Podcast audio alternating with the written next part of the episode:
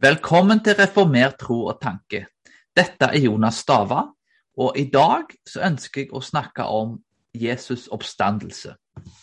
Det nærmer oss påske, og det er en helt utrolig ting som er med å feire når vi går inn i den hellige uka som kommer. Og Jeg ønsker enkelt og greit å snakke om Jesus' oppstandelse. Og så vil jeg stille et enkelt spørsmål. Betyr det noe at Jesus oppsto fra de døde? Dette altså blir en del av en påskeserie som er litt mer apologetikkbasert og litt mer basert på trosforsvar. Som kommer til å gå gjennom tre forskjellige spørsmål, altså det er tre deler. Den første er betyr det noe at Jesus har oppstått fra de døde? Det er det vi skal snakke om i dag. Nummer to de historiske bevisene for at Jesus oppsto fysisk fra de døde. Nummer tre svar på teoriene som prøver å bortforklare Jesus' oppstandelse. Disse tingene er viktige for å forstå dette spørsmålet om Jesus oppsto fra de døde, og hva det betyr. Og om det er noen forklaringer som kan bortforklare det. Og Forhåpentligvis i denne serien så, så, vil vi se at Jesus har oppstått fra de døde, og at det er faktisk en grunn til å feire påske.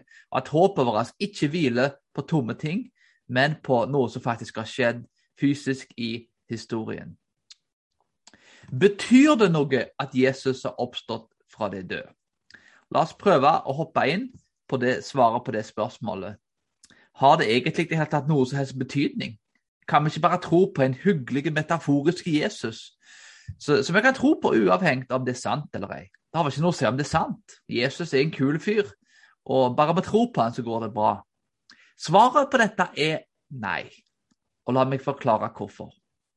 Nummer én Jesus var en historisk person artisten eller agnostikeren Bart Ørmen, da, som er den største tekstkritikerne da, og en veldig kjent kristendomskritiker, har skrevet hele bok om Jesus' eksistens, og skriver i den boka at det at Jesus levde som en historisk person, og at han ble, ble korsfesta, er et historisk faktum. Og dette er en, sånn en veldig anerkjent forsker som sier dette. Han sier at det er posisjonen til de aller fleste historikere. Så det, Jesus var sin historiske person. Det er òg snakk om en fysisk oppstandelse, og det bringer oss til det andre poenget. Teologen N.T. Wright forklarer i boken sin om oppstandelsen, The Resurrection of the Son of God, som er ei tjukk lefse på ja, jeg vet ikke, 800 000 sider. Så hvis du kjeder deg skikkelig en dag, så kan du lese den. Um, ikke på en dag, kanskje heller, kanskje heller på en uke. Men veldig god bok og veldig solid argumentasjon av en av de ledende historikerne og teologene på dette området. Han beskriver klart og tydelig i denne boken at dette er ikke en myte, men at Jesus oppsto fysisk fra det døde, var noe som var uvanlig. Og altså, Det var altså en referanse til en fysisk oppstandelse, ikke en åndelig oppstandelse, men at kroppen til Jesus, den fysiske kroppen som han spiste mat med, var oppstått ifra det døde. Andre kulturer forsto dette. Hedninger mente det var umulig, men jødene, noen jøder, da, ikke alle jøder, trodde på dette. At det gikk an å oppstå fysisk fra det døde hvis Gud reiste han opp. Kristne derimot trodde ikke bare på det, men de mente det òg hadde hendt med Jesus. Så når det er snakk om den fysiske oppstandelsen, her, så er det altså snakk om en historiske og fysisk oppstandelse. Det er det en ganske grei konsensus rundt blant forskerne. Det er krystallklart, ifølge Wright, at igjen, det handler om noe unaturlig som skjer, og det handler om den fysiske kroppen til Jesus. Det er flere som oppstår fra de døde i Bibelen. Du har Elijah som gjenoppretter eh, Safarias enke i første kongebok 17.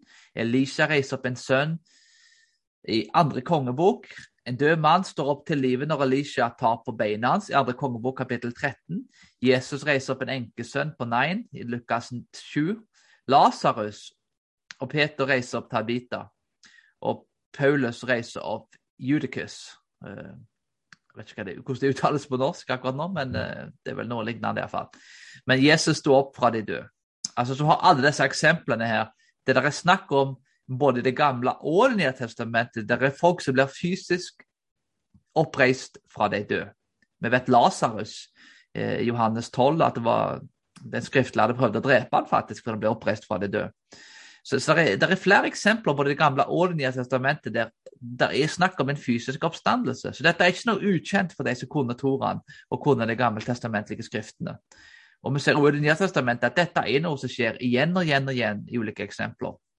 Så igjen, dette er noe som folk forstår, de vet hva det er, og de vet òg at det er noe som strider imot den sunne fornuften. Det er ikke noe som skjer da, det er noe uvanlig. Den kjente apologeten og teologen Norman Geisler påpekte at Jesus ikke ble oppreist materielt i, i en kropp, så kan ikke oppstandelsen bekreftes. Den har mistet sin historiske verdi.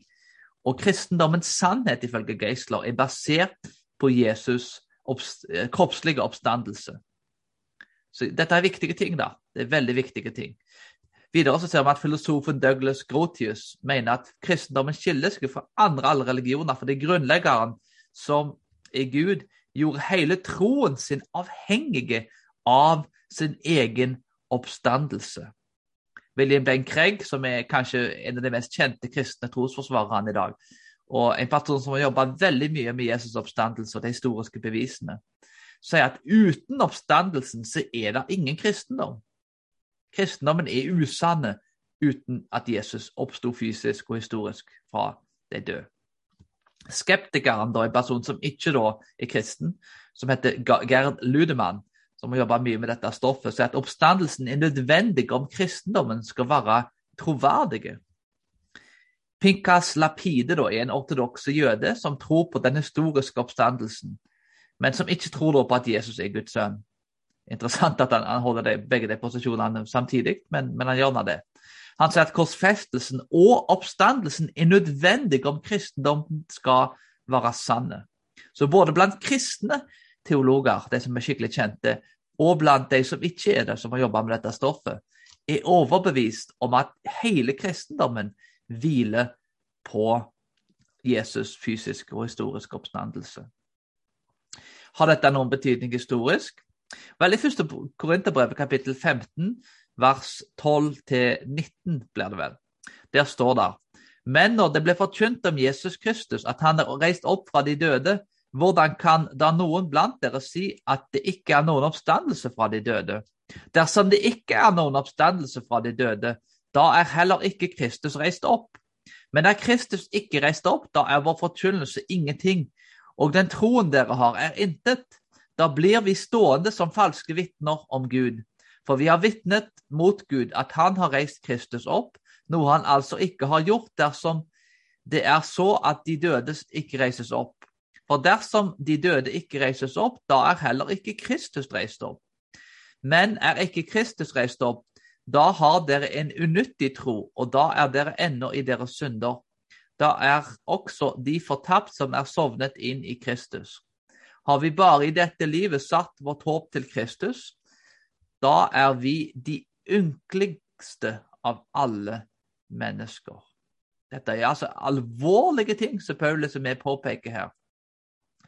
Dette er viktig teologisk, og det er viktig historisk, og det er viktig på alle andre måter. Om Jesus ikke oppsto fra de døde, så ser vi her seks forskjellige ting som, sorry, Paulus påpeker i 1. Korinterbrev kapittel 15.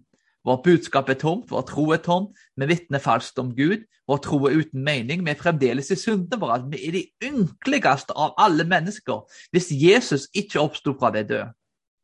Hva betyr dette for oss i dag? det for oss som er kristne, så betyr det at livene våre er bygd på en løgn. Vi lever fortsatt i syndene, uten håp om frelse. Vi kaster bort tiden vår i kirka. Det er alvorlige ting. Veldig, veldig, veldig veldig alvorlige ting. Kirkelederen, forfatteren og psykologen Edren Warnock mener at disse tingene ikke hadde vært mulige uten oppstandelsen. Når han sier disse tingene, så mener han de tingene som jeg lister opp her nå. Den ene tingen er at han, å sende ut ånden, fysisk helbredelse, konvertering av syndere, frelse og enhet med Jesus, Jesus' rolle i kirka, tilgivelse for synder, komfort fra de døende, og sende budbringeren til evangeliet, friheten fra syndens straff, sikkerhet om evangeliets sannhet, vår oppstandelse og Jesus' framtidige dom i verden. Dette finner du fra Apostelens gjerninger, kapittel 2 til kapittel 17. Så dette er altså hele egentlig apostelens gjerninger, altså hele verket i Nye testamentet og kristendommens sannhet, alle disse tingene hviler på Jesus' oppstandelse. Men det blir faktisk enda mer enn dette her òg. Om Jesus ikke oppsto fra det døde, så er Jesus selv en falsk profet som taler i Herrens navn. Og disse tingene da skjer ikke. Oppfyllelsen til profetiene er ting da som ikke er blitt en realitet, og dermed da så, så taler Jesus som en profet usant. Og Dette er jo svært alvorlig med tanke på Det gamle testamentet har ganske harde straffer for en profet som taler usant. Men vi ser i Matteus 12, 38-42 at det der er et tegn. Jesus gir en profeti om seg selv som går i oppfyllelse. Men tegn skal ikke gis den uten profeten Jonas' tegn, står det i vers 39 i Matteus 12. Han fortsetter. For like som Jonah var tre dager og tre netter i storfiskens buk, slik skal menneskesønnen være tre dager og tre netter i jordens hjerte. Det er mye som tilsier i Jonas' bok er at Jonah faktisk død inni buken til fisken. Det er noen som er uenige med den tolkningen, men jeg lener tror jeg litt mer mot den tolkningen.